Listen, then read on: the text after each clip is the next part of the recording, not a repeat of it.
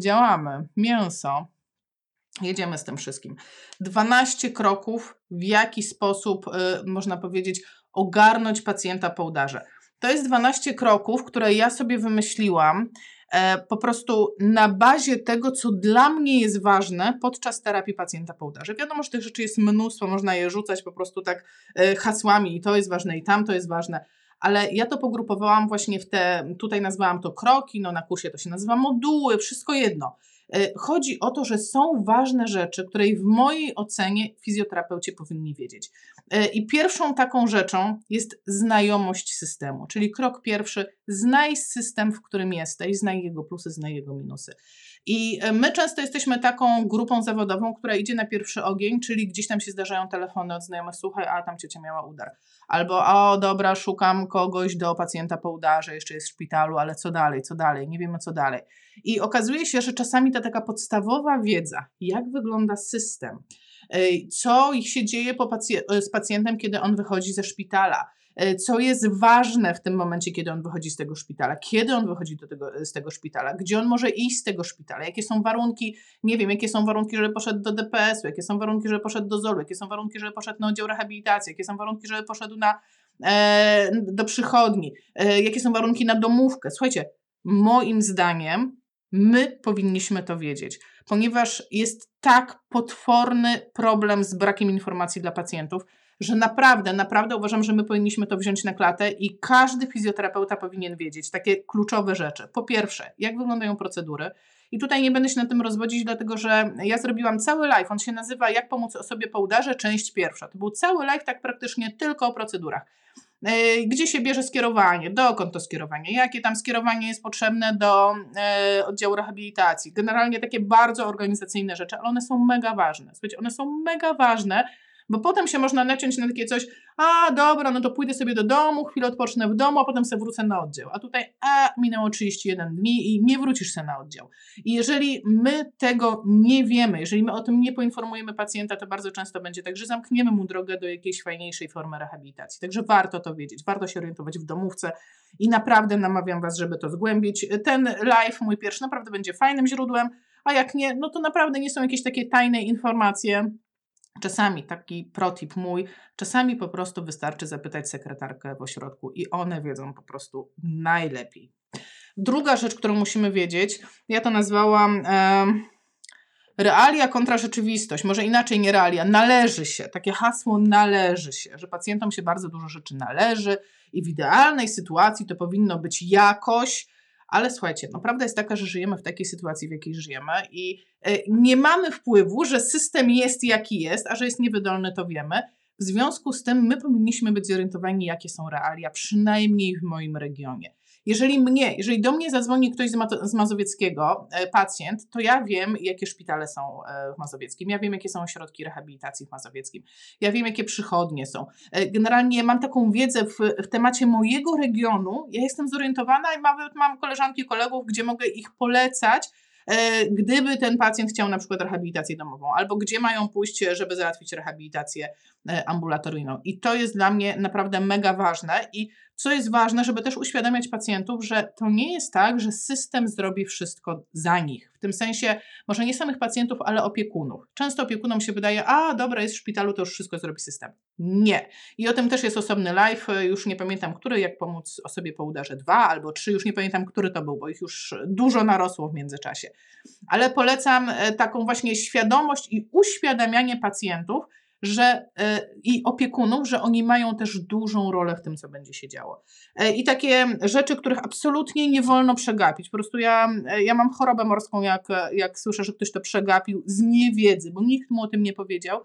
To jest to, że skierowanie ma określoną ważność. I tak naprawdę ta ścieżka wczesnej rehabilitacji w Polsce jest, e, no jest ograniczona, nie oszukujmy się. Nie dość, że teraz w koronawirusie w ogóle się ciężko dostać, to ta ścieżka jest generalnie ograniczona, bo e, po oddziale e, takim ratującym życie dostaje się skierowanie na oddział rehabilitacji neurologicznej i już tu jest pierwsza bariera, bo nie każdy je dostanie.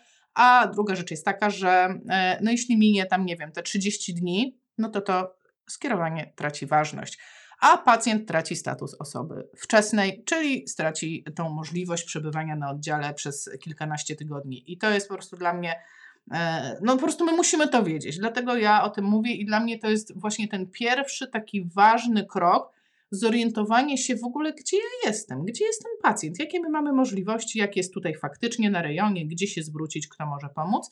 E, I też taką rzecz mogę dodać, e, chyba dwa czy trzy tygodnie temu był live też z cyklu Jak pomóc sobie po udarze i ja tam mówiłam o tym, co kupić pacjentowi po udarze. E, I taka była konkluzja na samym końcu, żeby nie ograniczyć, jakby nie oceniać pacjentów i ich rodzin pod kątem możliwości finansowych. Czyli żeby, jak ja teraz proponuję pacjentowi, to proponuję, pytam się tak, czego szukacie? Szukacie czegoś na NFZ, są takie i takie opcje. Szukacie czegoś prywatnie, są takie i takie opcje.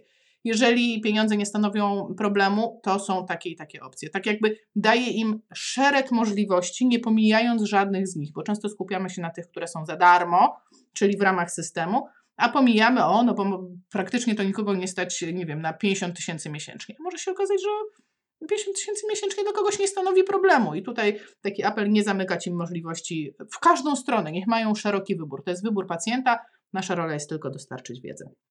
E, I tutaj już zamykam temat e, tej znajomości systemu. To był punkt pierwszy. Punkt drugi.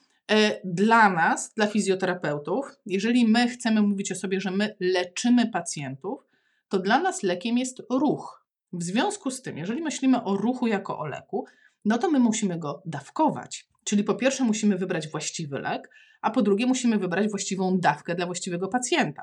E, wyobraź sobie, że e, trafiacie, nie wiem, do gastroenterologa, bo boli was żołądek. Strzelam teraz, po prostu wymyśliłam to. E, a on mówi, no tak, tak, no widzę, tak, ja tutaj podejrzewam, nie wiem, wrzody, znowu strzelam, wiem, że to się inaczej nazywa I ten, I ten lekarz mówi, no dobra, no to pani pójdzie do apteki, kupi sobie coś na wrzody. Ale co? Coś na wrzody. A, nie, a jak to brać? Wszystko jedno. No tam pani sobie weźmie dwa razy w tygodniu, prawda? No brzmi to kosmicznie, ale jeśli myślimy o ruchu, no to bardzo często się coś takiego wydarza.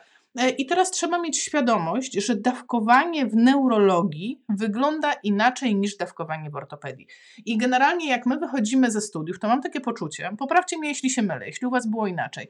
E, ja na przykład wyszłam ze studiów z całym zasobem różnego rodzaju ćwiczeń. Nie mogę powiedzieć, naprawdę znam mnóstwo różnego rodzaju ćwiczeń, nie jestem przekonana, że teraz też nie jest inaczej, naprawdę. Ćwiczeń znamy full.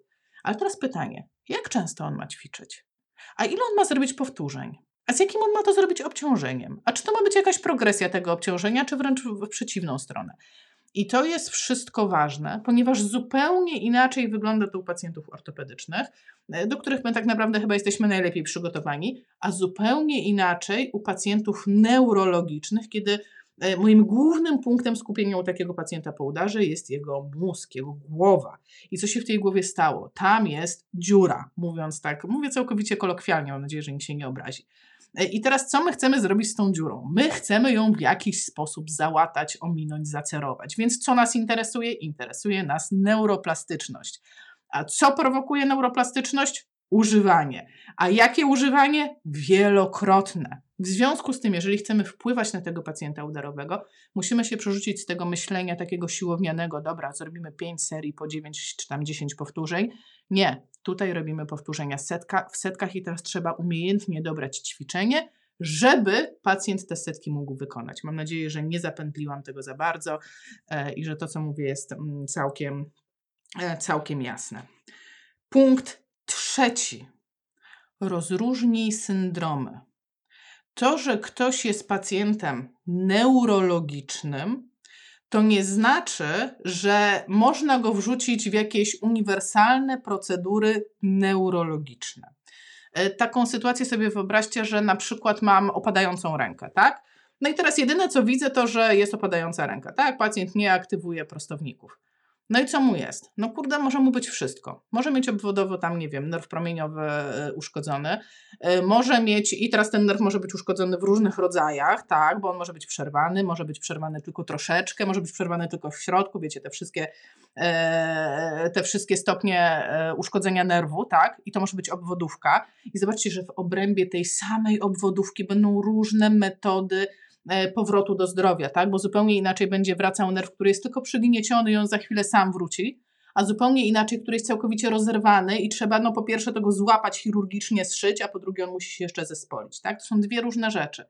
A teraz mamy na myśli, dokładamy do tego tego samego pacjenta, w sensie ten sam e, syndrom, opadająca ręka, tak? Ale jest to pacjent po udarze. On w ogóle nie ma problemu na e, przebiegu ręki, tak? On ma problem w sterowaniu z głowy i on będzie potrzebował jeszcze czegoś innego.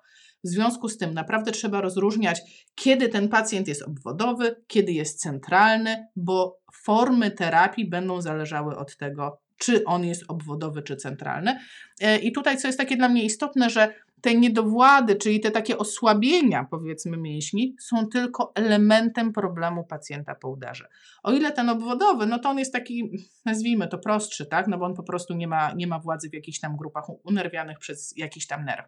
A pacjent centralny, on ma więcej problemów, bo on on ma, on ma tam grubsze sprawy za uszami, bo nie dość, że nie ma e, kontroli nad pewnymi grupami mięśniowymi, to inne grupy mięśniowe zaczynają szaleć, zaczynają być nadaktywne i gubi się gdzieś tam ten balans taki potrzebny nam do funkcjonowania. Oni funkcjonują, ale nie funkcjonują dobrze, tak? I to też widać.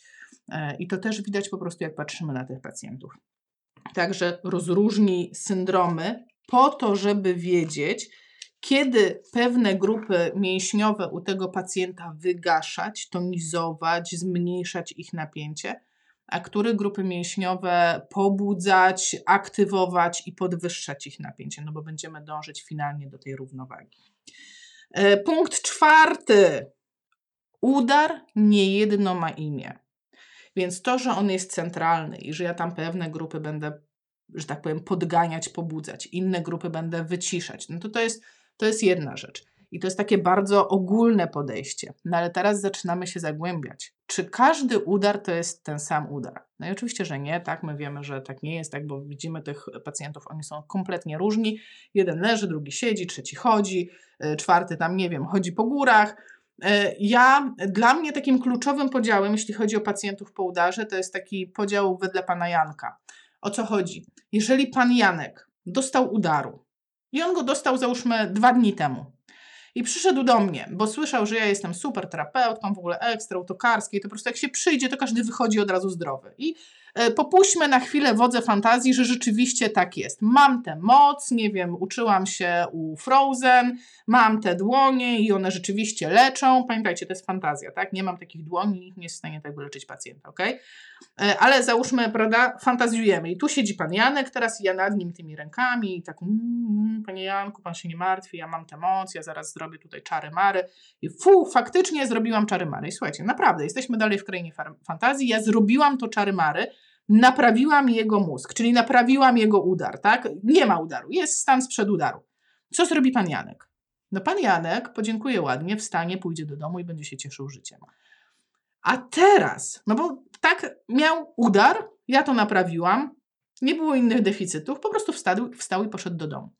A teraz weźmy sobie na przykład tego samego pana Janka, tylko on nie wiedział, że istnieje męcz tokarska i że jak on do mnie przyjdzie, to ja go wyleczę. On po prostu nie wiedział.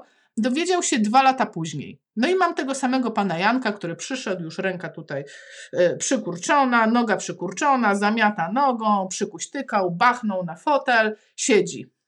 Ja mówię, panie Janku, pan się nie martwi, ja mam te emocje, byłam tutaj na takich kursach specjalnych i ja rzeczywiście robię to swoje czary maru, pach i faktycznie, słuchajcie, i faktycznie dalej zostajemy w sferze fantazji. Jak ktoś dołączył teraz do live'a, to słuchajcie, fantazjujemy teraz.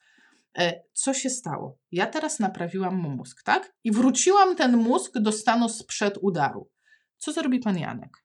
Czy on wstanie i wyjdzie?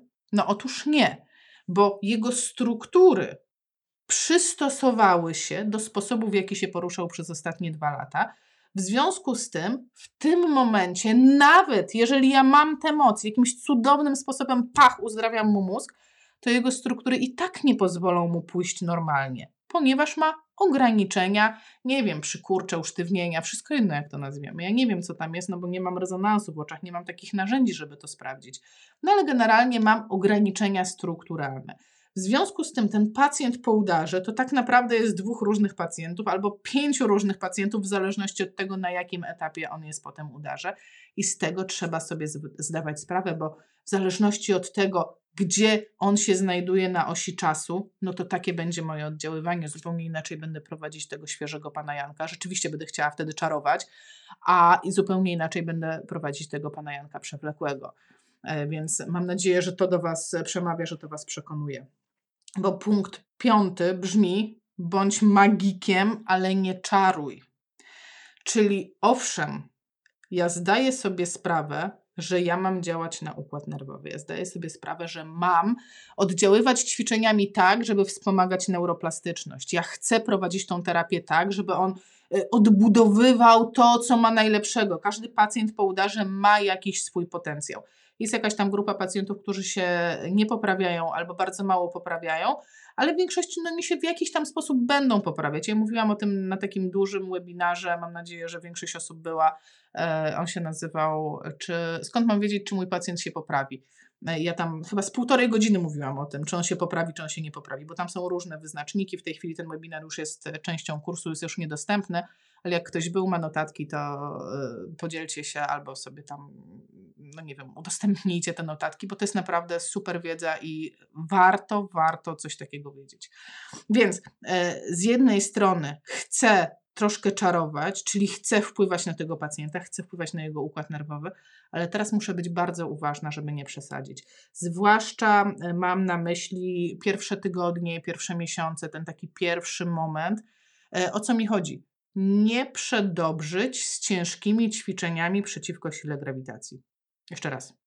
Nie przedobrzyć z ciężkimi ćwiczeniami przeciwko sile grawitacji, bo mózg pacjenta i nasz też, to każdy jeden mózg, nie myśli w kategorii aktywacji poszczególnych mięśni, tylko przetwarza informacje w kategorii realizowania jakiegoś zadania ruchowego. W związku z tym, jeśli zadam pacjentowi za ciężkie ćwiczenia, to jego mózg będzie pracował tak, żeby zrealizować cel, często kosztem jakości wykonania. W związku z tym, na samym początku, te pierwsze miesiące, to jest niezwykle ważne, słuchajcie, muszę tak żonglować ćwiczeniami, żeby on ćwiczył ale nie stymulował kompensacji. Jeszcze nie na tym etapie. Przyjdzie czas na to później.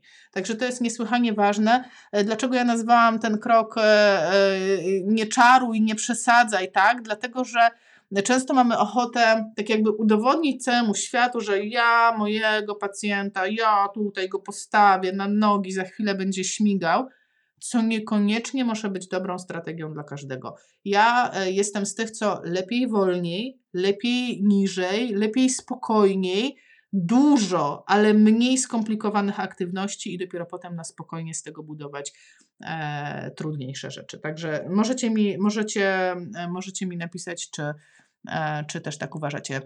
Anno, tak, live będzie zapisany, jak wszystkie live'y są chyba zapisane, tylko webinary nie były zapisane będzie zapisane i zapewne będzie też na YouTubie, także na pewno, na pewno nie zginie. Więc pamiętajmy o tym, że w tym wczesnym okresie, przez te pierwsze tygodnie czy pierwsze miesiące, walczą ze sobą dwie strategie u tego pacjenta. I to jest naprawdę walka. Jedna strategia to jest strategia regeneracyjna, czyli to jest ten moment, kiedy ten mózg bardzo intensywnie pracuje nad tym, żeby wrócić do najlepszej formy możliwej. I to się dzieje, to jest udowodnione tutaj. Nie ma wątpliwości, że tak jest. Ale z drugiej strony mamy strategie kompensacyjne, czyli mózg kombinuje, co mogę zrobić, żeby zrealizować swoje cele, pomimo tego, że nie mam wszystkich zasobów do nich potrzebnych. No nie mam tych wszystkich mięśni, po prostu nie mam. Mam część mięśni, do których mam dostęp, no to będę używał tych. I teraz my, my, fizjoterapeuci, ci, którzy zlecamy ćwiczenie, my decydujemy o tym, w którym kierunku się przesunąć. I ponieważ wiemy, że na początku jest ten okres regeneracji, e, pacjent będzie wracał samoistnie, będą mu wracały samoistnie funkcje, to na samym początku ma wygrać samoistna regeneracja. Czyli mam tak go stymulować, żeby wracały te funkcje, które mu uciekły, tak to powiem a później, jak już nie wróci coś, no jak nie wróci, to nie wróci, to później mam czas na strategię kompensacyjną i na ćwiczenie tych kompensacji. Ale jeśli we wczesnej fazie pozwolę wygrać kompensacją, to regeneracja może nigdy nie nastąpić. I to są też udowodnione zjawiska. E, zgadzamy się powoli budować. Dziękuję, Wysia. Super. Po prostu to jest dla mnie tak ważne, bo to bardzo często są problemy takie realistyczne na oddziałach, tak? Bardzo duże oczekiwania ze strony rodzin, bardzo duże oczekiwania ze strony lekarzy, e, generalnie bardzo duże oczekiwania, no bo wiadomo, że fizjoterapeuta, no ten to jak postawi, to zaraz tam pójdziemy i będziemy biegać, a to, e, a to właśnie no, to niekoniecznie musi być najlepsza droga. Też tak uważam, małymi krokami na szczyt. Dokładnie. Dziękuję. Dziękuję. Wszyscy się zgadzają, nikt nie chce mnie denerwować i bardzo dobrze. Dobrze. Punkt szósty. Patrz na rękę przez pryzmat całości.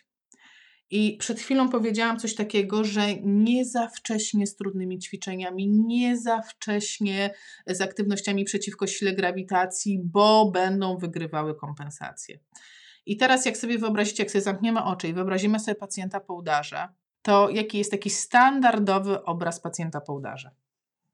Ręka, nie? Z jakiegoś powodu oni wszyscy mają rękę w przymusowej pozycji. Większość tam, no różne są te spastyczności, ale powiedzmy, że, e, że, że ta będzie taka, która się kojarzy dobrze z pacjentem po udarze. No i teraz zadajmy sobie pytanie, dlaczego ta ręka tutaj w ogóle jest? Co ona daje takiego pacjentowi, że on musi ją tutaj trzymać? I oczywiście e, nie jest to udowodnione, nie jest to jakieś e, teraz evidence-based medicine, które Wam powiem, to jest moja opinia, Wydaje się, że w dużej mierze może to być strategia kompensacyjna, czyli może to być wynik właśnie tego, że wrzuciliśmy go w trudne aktywności, w rzeczy, których on nie mógł zrealizować, więc wykorzystał to, co miał, czyli e, łańcuchy mięśniowe w obrębie kończyny górnej. Więc jeżeli mam wybór na samym początku, to ja go nie będę wrzucać w te trudne aktywności. E, szybko, szybko, czy już trzyma pion? Dokładnie, czy już chodzi? No tak, no dokładnie tak jest. Dokładnie tak jest. Dokładnie tak jest. I, e, I wiecie, i trzeba umieć to wziąć na klatę. W sensie trzeba umieć wziąć na klatę rozmowy z rodziną, rozmowy z lekarzami, e, inne będą strategie rozmowy z opiekunami, inne będą strategie rozmowy z rodzinami.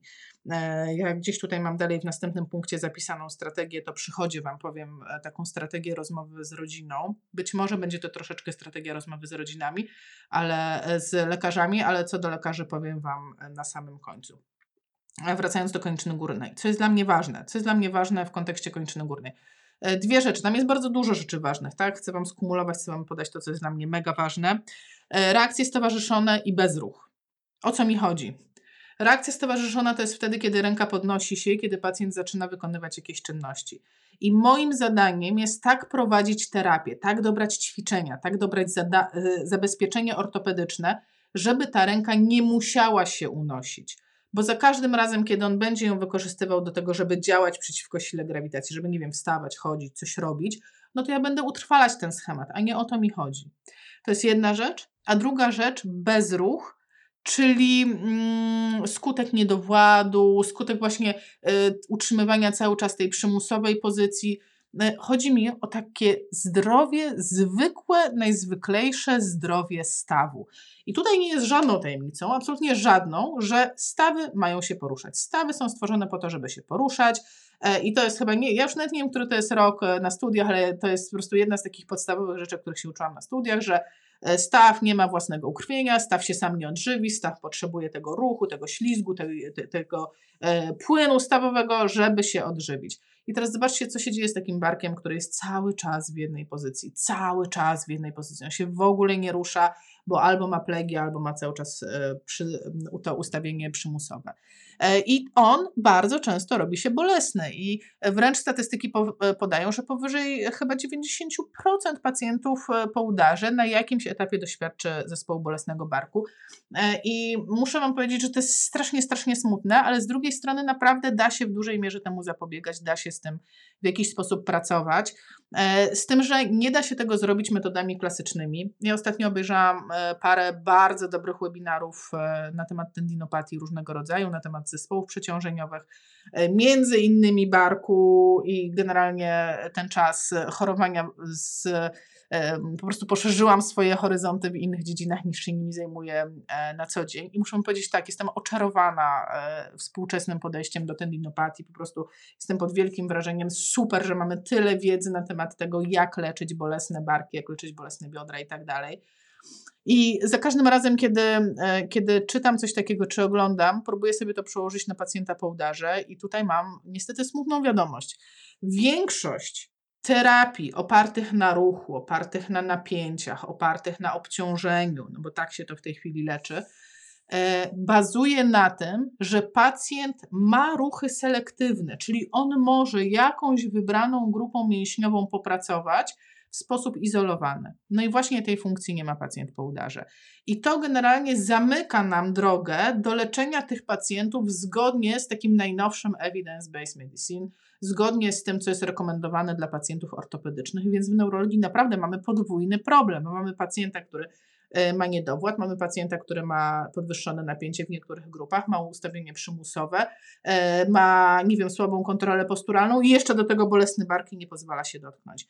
Czyli do czego dążę? Żeby od początku nie zaniedbać ruchomości, zadbać o to, żeby nie utracić ruchomości w stawie ramiennym i zadbać o to, żeby nie wrzucać tego pacjenta w zbyt mocne, mm, powiedziałabym, ćwiczenia, zbyt wymagające ćwiczenia, zwłaszcza wymagające organizacji przeciwko sile grawitacji, właśnie po to, żeby działać prewencyjnie, jakkolwiek by to nie brzmiało, e, przeciwko bolesnemu barkowi. Gdzie można te webinary obejrzeć, Moniko? Na YouTubie jest taki kanał, który nazywa się Joanna Tokarska Fizjopozytywnie i tam jest w ogóle mnóstwo, mnóstwo fajnej wiedzy. Mnóstwo, naprawdę polecam. Polecam, a jak już polecam kanał na YouTubie, to koniecznie wszystkie osoby zainteresowane rehabilitacją pacjenta po udarze, koniecznie zobaczcie webinar, zaraz siorbnę herbatki, nie webinar, tylko wywiad z profesorem Krakauerem, który tam jest. E, on się nazywa Rehabilitacja po udarze. I to jest wywiad z człowiekiem, który nic innego nie robi od kilkudziesięciu lat, jak tylko bada pacjentów po udarze i sposoby rehabilitacji tych pacjentów. Wywiad jest po prostu przez, przesztos e, i jest przetłumaczony na język polski. Także jak wejdziecie, to się nie przerażajcie, że on jest po angielsku. Po prostu trzeba sobie kliknąć napisy, wybrać język polski i tam są napisy po polsku. I no, absolutnie po prostu trzeba to obejrzeć. Absolutnie. Koniecznie. Dobrze, idziemy dalej. Jesteśmy na punkcie szóstym, a teraz punkt siódmy. Jakie jest najważniejsze pytanie? Jaki problem ma pacjent po udarze? Absolutnie każdy. I tutaj po prostu, jeżeli są osoby, które były u mnie na kursie albo miały e, styczność ze mną na jakimś webinarze dotyczącym udarów, to powinny tutaj chórem po prostu od razu napisać: Pacjent po udarze ma problem z regulacją napięcia. Pacjent po udarze ma problemy z tym, żeby dostosować swoje napięcia do, napięcie do warunków, w jakim się znalazł. Czyli trudno mu je we właściwy sposób podnieść, a jeszcze trudniej we właściwy sposób obniżyć. Nie reguluje napięcia. Raz, dwa, trzy, pierwsza. Brawo. E, bardzo dobrze. Dokładnie. Pacjent po udarze ma problem z regulacją napięcia. W związku z tym, teraz największy hit to napięcie to nie jest tylko spastyczność. Bo jak sobie otworzycie definicję spastyczności, to tak naprawdę, ja ją skrócę, tak? Ona jest długa i skomplikowana, wszystko jedno. Ale tak naprawdę w tej definicji spastyczności, co mnie interesuje, że to jest zależny od prędkości wygórowany odruch na rozciąganie. To jest cała definicja spastyczności według Lanza. Więc e, nasz pacjent, m, znaczy on jest zależny od prędkości i on ma wygórowane odruchy, tak? Ja tego nie neguję. Ale to, że on jest zabetonowany w jakiejś jednej pozycji, to nie oznacza, że jego dominującym problemem jest spastyczność per se. Czyli, taka, czyli, czyli to, co na przykład będzie objawem dominującym u pacjentów rdzeniowych. Zobaczcie, wyobraźcie sobie teraz pacjenta rdzeniowego, jak on wygląda. Jak jego złapie spasta, to jego albo wygina w pół, albo go trzęsie, i to jest takie zjawisko faktycznie dynamiczne. I to jest kompletnie inne zjawisko od tego pacjenta udarowego, który po prostu przykuśtykał, stoi i zabetonowany. Jest zabetonowany w jednym miejscu, trudno mu się ruszyć i trzeba o tym wiedzieć. I trzeba, e, i trzeba e, umieć w jakiś sposób z tym handlować, że tak powiem. I tutaj ciężko mi jest, e, ciężko mi jest powiedzieć wszystko. Nie da się tego powiedzieć. Wiecie, mi chyba zajmuje z półtorej godziny, żeby powiedzieć wszystko na temat e, tego rodzaju spastyczności. Ale to, tak sobie pomyślałam, Aśka, co jest najważniejsze? Co jest najważniejsze? Jeżeli ktoś trafi na pacjenta po udarze, nie wie nic, to co on powinien wiedzieć? Jedną rzecz, e, którą powinien wiedzieć na temat regulacji napięcia. I wymyśliłam, słuchajcie, nauczyć go siedzieć symetrycznie, i pochylać się w kontrolowany sposób do przodu i wracać. I to już będzie mega robota. Bo jak sobie pomyślicie o samym akcie siedzenia, to to jest symetria, to jest yy, tak naprawdę równowaga i prostowników, i zginaczy, które działają w synergii, bo też muszę kontrolować się na boki. Więc jeżeli to mam, a dodam do tego ekscentrykę prostowników i koncentrykę, to mam jeszcze regulację napięcia tego takiego najbardziej pierwotnego, takiego, takiego często dominującego. Jestem przekonana, że też widzieliście takie rzeczy, po prostu tych pacjentów takich, e, którzy cały czas funkcjonują w tym napięciu wyprostym. Moment jak wstaje, to wstaje przez wyprost, nie? Wstaje tak, albo chwyta się siostrzyczko, siostrzyczka tam da się chwycić, ciągnie wszystko z prostowników. Więc ta regulacja prostowników i szukanie równowagi lewo-prawo to będzie dla mnie takim kluczem. I gdybym miała udzielić takiej porady, co zrobić w kontekście regulacji napięcia. Tak, Paweł napisał bujanie na boki, dokładnie, bujanie na boki. I bujanie, e, wiecie, ktoś zrobił badania na temat bujania, to jest hit, że e, badali bujanie przód-tył i bujanie, bujanie na boki i to bujanie na boki jest skuteczniejsze niż przód-tył. I jak się nad tym zastanowimy, to jest całkiem logiczne, bo przód-tył to tylko ekscentrycznie prostowniki i koncentrycznie prostowniki, tak? To będzie to. Chyba, że się odchylę do tyłu, no to mi wchodzą ekscentrycznie zginacze i koncentrycznie zginacze. Ale najczęściej to jest przód, tył, przód, tył. Ale jak zaczynam się bujać na boki, to i prostowniki i zginacze muszą pracować jako synergiści, czyli teraz i prostowniki i zginacze po mojej jednej stronie muszą odpuścić ekscentrycznie, a potem pociągnąć mnie koncentrycznie. Także to jest mega. I zobaczcie, że to nie jest jakiś, ja nie mówię o jakichś wyrafinowanych oddziaływaniach, to jest to, co ja Wam powiedziałam nie spieszmy się, naprawdę, nie ma, nie ma do czego. Mam parę miesięcy e, takiej bardzo intensywnej pracy. Zacznijmy od rzeczy, które są naprawdę bazowe. Niech on usiądzie. Tak? Już pomijam, bo mówiłam o tym już tyle razy, bo to, to, mnie też e, boli mnie serce, że jest mnóstwo pacjentów, którzy nie potrafią się obrócić w łóżku, a są ciągani w czasie terapii i chodzą, tak? Oni chodzą, oni nie chodzą, oni są ciągani, tak? Bo to no, tego nie można nazwać chodem, bo chód ma swoją definicję. Jeżeli ktoś bierze pod pachę, czy tam za, nie wiem, za, za, za pas, czy tam jak tam się tego pacjenta weźmie i go ciąga po korytarzu, to to nie jest chód, słuchajcie. To nie jest chód. I ta osoba po tej terapii wraca do łóżka i wciąż nie umie się obrócić. Dlatego mówię, małe rzeczy, małe rzeczy. Dobra, idziemy dalej. Idziemy. Chyba istotny jest fakt, żeby nie skupiać się tylko na stronie niedowładnej, drugiej stronie ciała też trzeba poświęcić czas. Jak najbardziej. E, ja wręcz powiem tak, ja e, z definicji zaczynam terapię od strony zdrowej.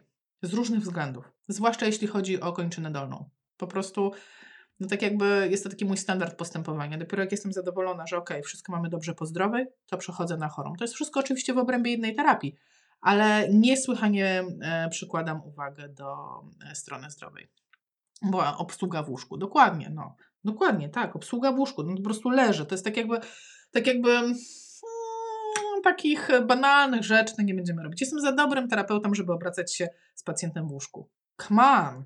Ten pacjent nie umie zmienić pozycji w łóżku, a jak nie zmienia pozycji w łóżku, to nie wyjmą mu w życiu tego piekielnego materaca, który się pompuje co chwilę w innym miejscu, bo będą się bali, że ma odleżyny. Jak zacznie się obracać, zmniejszymy ryzyko odleżyn. Pacjent będzie szczęśliwszy, będzie lepiej spał, będzie lepiej funkcjonował, będzie miał lepszą aktywność. Jeszcze powiem o tej aktywności E, później. To po prostu, no naprawdę, małe rzeczy. Małe rzeczy. Chodzenie nie, nie ucieknie. Zaraz powiem, jak ugryźć to chodzenie piekielne. E, dobrze. Punkt ósmy. Tylko, że ten czas trzeba jeszcze mieć, a niestety tak nie ma. No, to zależy. No, powiem tak, ja pracuję głównie na domówkach. Nie mogę powiedzieć, że mi brakowało czasu, tak? E, ja też w bardzo dobrym szpitalu pracowałam, więc rzeczywiście mieliśmy czas dla pacjentów. Więc, ale tak, zgadzam się, dlatego właśnie ten punkt pierwszy był taki. Wiedz, jakie masz realia. Ty jak masz takie realia, że nie ma czasu, to zastanów się to, co możesz zadać temu pacjentowi, żeby chociaż troszeczkę sam robił, albo zaangażować rodzinę. Niech oni to z nim robią, skoro nie ma, e, system nie daje takich możliwości. Naprawdę, to jest dlatego, dlatego punktem pierwszym było rozeznanie się, gdzie w ogóle jestem. Dobrze, idziemy dalej. Punkt ósmy. Bądź masażystą i trenerem w jednym. Pamiętacie pana Janka? Kiedy mówiłam wam, że za drugim razem to pan Janek trafił do mnie po dwóch latach, kiedy już funkcjonował w tej swojej, nie wiem, w tej, w tej swojej chorobie. I ja chcę mu pomóc, więc jeżeli nawet mam czary mary, puch, naprawię mu mózg, to i tak mu do końca nie pomogę, bo on wciąż ma ten problem. I to jest problem na poziomie tkanek. I na tym poziomie tkanek my powinniśmy udzielić temu pacjentowi pomocy. Więc jeżeli mam pacjenta przewlekłego i widzę, że on jest zabetonowany, no to ja muszę się skupić, dobra, co ja muszę zrobić, żeby najpierw to go odbetonować, a potem zaraz jeszcze w tej samej jednostce terapeutycznej dać mu jakieś ćwiczenie, które pozwoli mu wykorzystać ten zakres ruchu, który ja mu zorganizowałam. I teraz jak ja mam tu zorganizować ten zakres ruchu? Ostatnio było pytanie na grupie fizjopozytywnych y, o masaż w neurologii. E, I powiem szczerze, że tam były różne opinie, e, na jednych działa, na drugich nie działa. I z masażem jest taki problem, że e, trudno powiedzieć tak, tak, masaż dobry, nie, masaż niedobry. Dlatego, że jest cała gama rodzajów masażu i cała gama objawów u mojego pacjenta. Tak jak Wam już powiedziałam, pacjent udarowy, no to po prostu może być pięciu różnych pacjentów w obrębie tej, tej, samej osoby, w zależności e, w jakim on jest, nie wiem, e, okresie po udarze, jaki on ma dzień i tak dalej. No i tak samo masaż. Masaż może być szybki, może być wolny, może być lekki, może być mocny, może być głęboki. No po prostu tych masaży jest milion. I jeśli miałabym doradzać jakieś techniki konkretne masażu, czy techniki pracy e, z tym pacjentem, to moje serce skłania się ku terapiom powięziowym. Wydaje mi się, że i to jest takie czysto empiryczne, słuchajcie, czysto, czysto z doświadczenia. Możecie mi napisać, jakie wy macie doświadczenia, bo jestem bardzo ciekawa. Moje mogą być inne niż wasze. E, moje doświadczenia są takie, że za każdym razem, kiedy wykorzystywałam techniki tak jakby nakierowane na powięź, czyli dosyć, można powiedzieć, globalny chwyt, e, rozciągnięcie, wyczekanie, e, dosyć takie intensywne bodźce, ale nie intensywne szybkie, tylko intensywne powolne, to to mi przynosiło najwięcej korzyści. Patrzę, czy ktoś, e, czy ktoś napisał, jakie techniki wykorzystuje. E, więc ja jechałam z tymi powięziowymi, dużo pracy przez skórę, poprzez naciąganie skóry. E, I to było dla mnie takie naprawdę najfajniejsze, że rzeczywiście ten pacjent potrafił się wyluzować po tym. I rzeczywiście potem mogłam wdrożyć jakieś ćwiczenia, które pozwalały mu wykorzystywać nowy zakres ruchu. Dlatego w moim mniemaniu, jak mamy zwłaszcza pacjenta, znaczy no zwłaszcza, no zwłaszcza pacjenta przewlekłego, to będziemy chcieli po pierwsze popracować z nim manualnie, tak jak tygryski lubią najbardziej, ale zaraz w ciągu tej samej jednostki równocześnie e, przepraszam, jednocześnie e, poćwiczyć z nim, czyli będziemy chcieć być i masażystą, i trenerem w jednym. Okej, okay. punkt dziewiąty. Nie chodź na skróty. I to jest o tym chodzeniu, święte chodzenie. Co chce zrobić pacjent po udarze? No kurde, chce chodzić. No i weź mu odmów. Panie, chce chodzić, chce chodzić. Ręka później. I zostawiamy tą rękę po prostu gdzieś tam, a potem się okazuje, że z ręką jest e, bardzo niedobrze. E, chodzenie jest takie sobie, bo pacjent chodził zamiast robić to, co trzeba. I ja wiem, że jest problem z rodzinami i problem, najpierw się odniosę do rodzin, do opiekunów, którzy chcą bardzo, żeby pacjent chodził. Ja wtedy uży, e, używam takiej, e, takiej mojej ulubionej analogii drabiny. I kto był ze mną już kilka razy, to wie, że po prostu drabina się pojawia ciągle. Drabina i mam drabinę, mam szczebelki i pytam się pacjenta, słuchaj, gdzie jest ten twój święty gral chodzenia? E, co ty chcesz robić? Gdzie jest, gdzie jest ten twój taki święty cel? No nie wiem, chodzić normalnie tak jak chodziłem przed udarem. I w tym momencie ja wyrzucam po prostu wszystkie moje wątpliwości, bo ja prawdopodobnie w pierwszym tygodniu po udarze jestem w stanie ocenić, jak daleko zajdzie ten pacjent. To, to też nie jest y, jakoś szczególnie trudne. Naprawdę można to prognozować z bardzo taką fajną dokładnością. Więc nawet jeżeli ja wiem, że to nie jest pacjent, który będzie chodził, to ja kiwam głową, okej, okay, super, fantastycznie, to jest Twój cel, wkładamy go na szczyt drabiny. Dobra, na samym dole drabiny jest pacjent leżący, nie może sam wstać. Określ ty, gdzie jesteś. No, siedzę już na wózku. Super, jesteś na pierwszym szczebelku. W związku z tym, żeby dojść do Twojego wymarzonego celu, no to będziemy się wspinać po szczebelkach. Najpierw nauczę Cię na tym wózku pochylać się przód-tył. Dokładnie to, co Wam powiedziałam. Jakbym miała jedno ćwiczenie wybrać i ćwiczyć z pacjentem, niechby to było pochylanie przód-tył. Potem nauczę Cię wstawać z tego fotela. Potem Cię nauczę stać.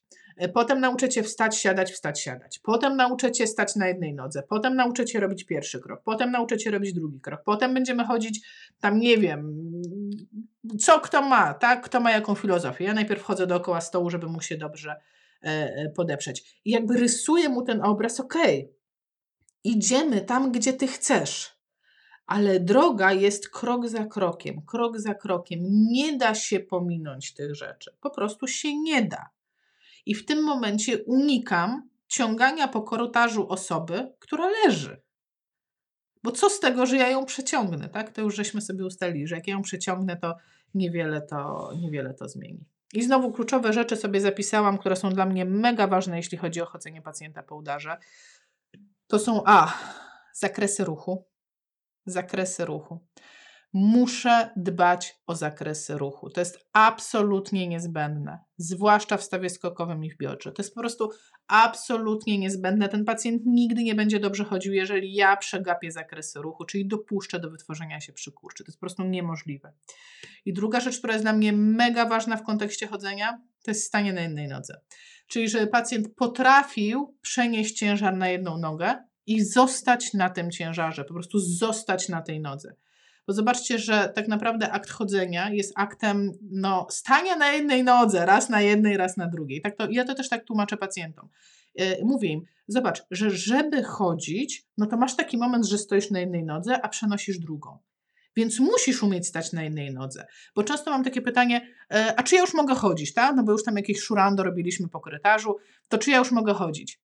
Jeszcze nie możesz samodzielnie. Będziesz mógł, jak będziesz samodzielnie, bezpiecznie stał na jednej nodze, na jednej i na drugiej. I wtedy to daje takie znowu umiejscowienie tego człowieka, gdzie ja jestem, co jest ważne, i prostymi słowami wyjaśniam mu, że ja, ja mu nie zabraniam, tak? On, on będzie to robił, jeżeli, jeżeli, prawda, jeżeli przyjdzie na to czas, tak? Ale są jakieś rzeczy, które musi wypełnić wcześniej. E, I jeszcze jedna rzecz e, w kwestii chodu, absolutnie po prostu, no kluczowa, słuchajcie, kluczowa, ponieważ mnóstwo pacjentów chodzi, a nie powinno. I to wiemy o tym. Słuchajcie, my wiemy, my to widzimy i po prostu czasami oczy tak otwarte, no ale no przyszedł, chodzi, no to co zrobić?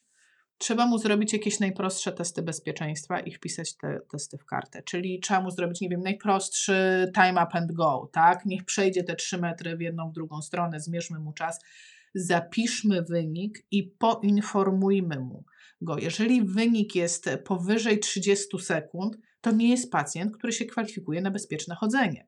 E, już pomijam, że normalny tłuk jest w granicach 14 sekund dla pacjentów tam e, geriatrycznych, ale już, już powiększmy go, bo w literaturze można spotkać takie powiększone czasy tługa dla udarowców na 27 sekund. Już mówię, dobra, 30 sekund to się nie będę bardzo czepiać. Ale jeżeli ktoś e, po prostu nie jest w stanie w bezpieczny sposób pokonać tych trzech metrów w jedną, w drugą stronę, nie jest w stanie wstać samodzielnie, w tługu trzeba wstać samodzielnie, to ja to odnotowuję, informuję tego pacjenta, że nie wyrażam zgody na jego samodzielne chodzenie, że grozi to upadkiem, że grozi to niebezpieczeństwem, wpisuję to w kartę z wielu, wielu względów, o których nie będę teraz rozwijać, względów prawnych, ale proszę, wpisujcie to w kartę. Naprawdę, naprawdę to chroni, e, chroni nas. E, dobrze, patrzę co tam jeszcze. Leczenie, e, leczenie masażu z rehabilitacją przynosi, łączenie e, masażu z rehabilitacją przynosi super efekty. Też tak uważam, też tak uważam. Oczywiście. Jeżeli masaż jest dobrze wykonywany, zgadzam się w 100%. Dobrze, chód, dziewiąteczka. To był chód, nie chodzić na skróty, powoli, po drabinie, z zachowaniem bezpieczeństwa i ze zwracaniem uwagi żeby nie popsuć tego pacjenta. A co to oznacza popsuć? Dopuścić do tego, że zmniejszą mu się, ograniczą mu się zakresy ruchu i będzie już tylko w patologii, bo tego na pewno nie chcemy. Punkt dziesiąty. Bądź jak Ghostbusters, czyli bądź jak Dan Aykroyd e, w Ghostbusters. Nie wiem, czy oglądaliście ten film, ale zakładam, że wszyscy oglądali pogromców duchów. No po prostu nie wyobrażam sobie, że ktoś nie, nie oglądał pogromców duchów, to ci faceci w takich kombinezonach z takimi e, plecakami ganiający po, po mieście i wciągający w te odkurzacze duchy. I zobaczcie, co oni robili. Oni, przecież w tym mieście była przestępczość, były jakieś problemy, nie wiem, były jakieś, nie wiem, może przestępczość podatkowa, może zwykła przestępczość, może jakieś włamania. Oni kompletnie to olewali. Ich to w ogóle nie interesowało, bo czym się oni zajmowali? Oni łowili duchy. Oni tylko zajmowali się tym, żeby ochronić to miasto przed duchami. I niestety, przynajmniej w moim odczuciu, w moim mniemaniu jest tak, że dokładnie tak samo musimy postępować u pacjentów po udarze. E, ja stworzyłam takie pojęcie, które się nazywa demony neurologii. Tak, uu. Chodzi o to, że to są takie stany, że oprócz tego, że ten pacjent ma jakąś plegię, że on ma jakieś zaburzenia takie motoryczne, to jemu się dołączają rzeczy, których, mm, znaczy nie chcę powiedzieć, że byśmy się tam nie spodziewali, my się ich spodziewamy, tak, no bo są opisane dobrze w literaturze, ale to są takie rzeczy, które będą blokować postępy rehabilitacji, jeżeli nie uwzględnimy ich. I to są na przykład takie sprawy jak zespół zaniedbywania. No bo co z tego, że ja będę stać z pacjentem i będę go trzymać i będę pracować tu usilnie nad równowagą, kiedy on nie widzi połowy świata? No to może najpierw bym się zajęła tym, żeby zobaczył połowę świata, a potem jednak sam stoi, no bo już będzie wiedział, że ma nogę, tak? E, czy zespół Pushera, kiedy pacjent odpycha się i nie jest w stanie usiedzieć równo, e, e, równo, tak? Cały czas się przepycha na jedną stronę. Dlatego Wam powiedziałam, że gdybym miała jakieś ćwiczenie zabrać, no to byłoby to wyrównanie tych napięć, co nie zawsze jest łatwe, ale to jest, to jest kluczowe, tak? Jeżeli nie wyrównam tych napięć, to w każdej wyższej pozycji on będzie gorszy. Zespół Pushera. Mówiliśmy o tym, już ktoś pisał na czacie, że zajmuje się też, zaczyna zawsze od strony zdrowej. Ja też zaczynam od strony zdrowej. Dlaczego? Że po stronie zdrowej wydarza się też demon, czyli nadaktywność tej strony. Czyli czasami strona zdrowa robi się na tyle dominująca, że robi się nadaktywna i sama ma problem z regulacją napięcia. W związku z tym muszę zacząć od tej strony po to, żeby wyregulować to napięcie i dopiero się zająć drugą stronę. To są, to są takie demony. Jeszcze w demony takie poważne, duże wrzucam zaburzenia czucia głębokiego. Nawet jeżeli, tak sobie pomyślmy, że nawet jeżeli my za długo siedzimy na kolanach, tam nie wiem, zaczytam się na kolanach e, w jakiejś tam, nie wiem, w czymkolwiek, w książce, to potem wstaję, nie czuję nóg, nie mogę iść. No bo nie czuję. Jeżeli pacjent nie czuje, no to trudno od niego wy, e, oczekiwać, że on będzie ruszał we właściwy sposób tą kończyną. Wszystko jedno, czy to jest ręka, czy to jest noga. Więc jeżeli mam zaburzenia czucia, będę chciała przerzucić je na pierwsze miejsce i będę się chciała nimi zajmować na pierwszym, e, na pierwszym planie, bo one będą mi wiosły e, jak najwięcej poprawy. Czy ten film będzie gdzieś dostępny? Tak, będzie tutaj. Słuchajcie, on tutaj będzie. Wejdziecie sobie jutro na profil fizjopozytywnych, a pewnie w następnych dniach przerzucę go również na YouTube, na kanał Joanna Tokarska Fizjopozytywnie i sobie obejrzycie. E, dobrze, to była dziesiątka i uwaga, jedenastka, punkt jedenasty, krok jedenasty, Jezu jak się zagadałam. Edukuj. Edukuj, ale tym razem edukuj w kwestii A jak nie dostać udaru. I teraz uderzmy się w piersi. Słuchajcie, uderzmy się w piersi, tak jak tutaj siedzimy fizjoterapeuci. Ile my rzeczy wiemy o prewencji udarów? Ile my razy w społeczeństwie, e, czy na zajęciach, czy w internetach, gdziekolwiek mówimy o tym, że są czynniki ryzyka udaru i że można te czynniki ograniczać i że jest to totalnie z dziedziny fizjoterapii bo największym czynnikiem, największym, takim wiecie, i tak naprawdę mało rzeczy mamy w medycynie takich udowodnionych tak na bank, a to jest udowodnione na bank. Im wyższe człowiek ma ciśnienie, tym większe ryzyko ma udaru. Kropka. Wiecie, w zeszłym tygodniu ja chorowałam i jednym z objawów było bardzo wysokie e, ciśnienie w pewnym momencie. I słuchajcie, ja nie mogłam się uspokoić. Ja nie byłam w stanie się wyciszyć w tym momencie. Nie byłam w stanie, żadne techniki relaksacyjne nie działały. Dlaczego? Bo jedyne, o czym byłam w stanie myśleć, to to, że jestem w tej chwili w bardzo wysokim ryzyku udaru.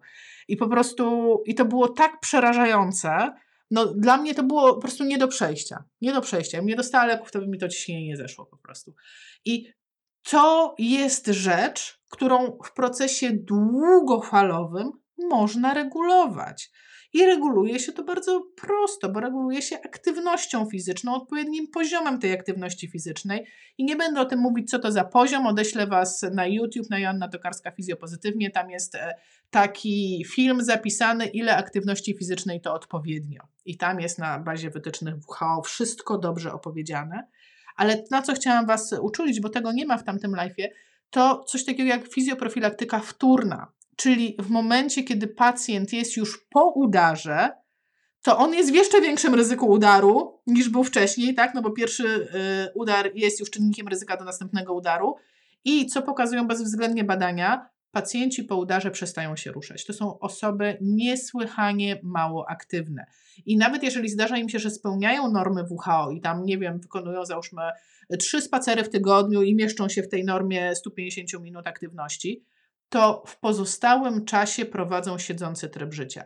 I nie wiem, czy wyłapaliście taką rzecz, w ostatnich miesiącach zmieniły się wytyczne. WHO zmieniło te wytyczne i właśnie dodali tryb życia jako czynnik e, kluczowy dla zdrowia. Czyli oprócz tego, że mam utrzymywać aktywność fizyczną, to mam utrzymywać też no mam być ruchliwa, mam się ruszać w ciągu dnia. Czyli mam nie siedzieć cały czas, mam wstawać, robić herbatę, włączyć telewizor, podgłośnić radio, pójść po książkę, odnieść książkę, zatrzeć kurze, tak? Mam się poruszać i dokładnie tego nie robią pacjenci po udarze. I to jest zbadane, to jest udowodnione. I znowu wróć, wróćmy do tego, co ja Wam mówiłam. Niech on się nauczy obracać w obrębie łóżka, to będzie dla niego bardziej korzystne niż raz, czy tam dwa razy w tygodniu, czy trzy razy, czy nawet codziennie, kiedy przyjdzie ktoś i przeciągnie go po korytarzu bo nie spełni w ten sposób tej podstawowej aktywności fizycznej. Co z tego, że miał trening, ale przez cały dzień leżał. A gdybym go nauczyła się obracać, to on by raz leżał tak, raz tak i już by się poruszał w obrębie łóżka. I to jest niesłychanie ważne. Także edukacja, edukacja, edukacja, edukacja. I odsyłam Was do wytycznych też WHO, jeśli chodzi o właśnie te nowe wytyczne. One nie są dużo różne od starych, także spokojnie możecie się opierać na tym live, który ja zrobiłam jakiś czas temu, właśnie ile aktywności fizycznej to odpowiednio.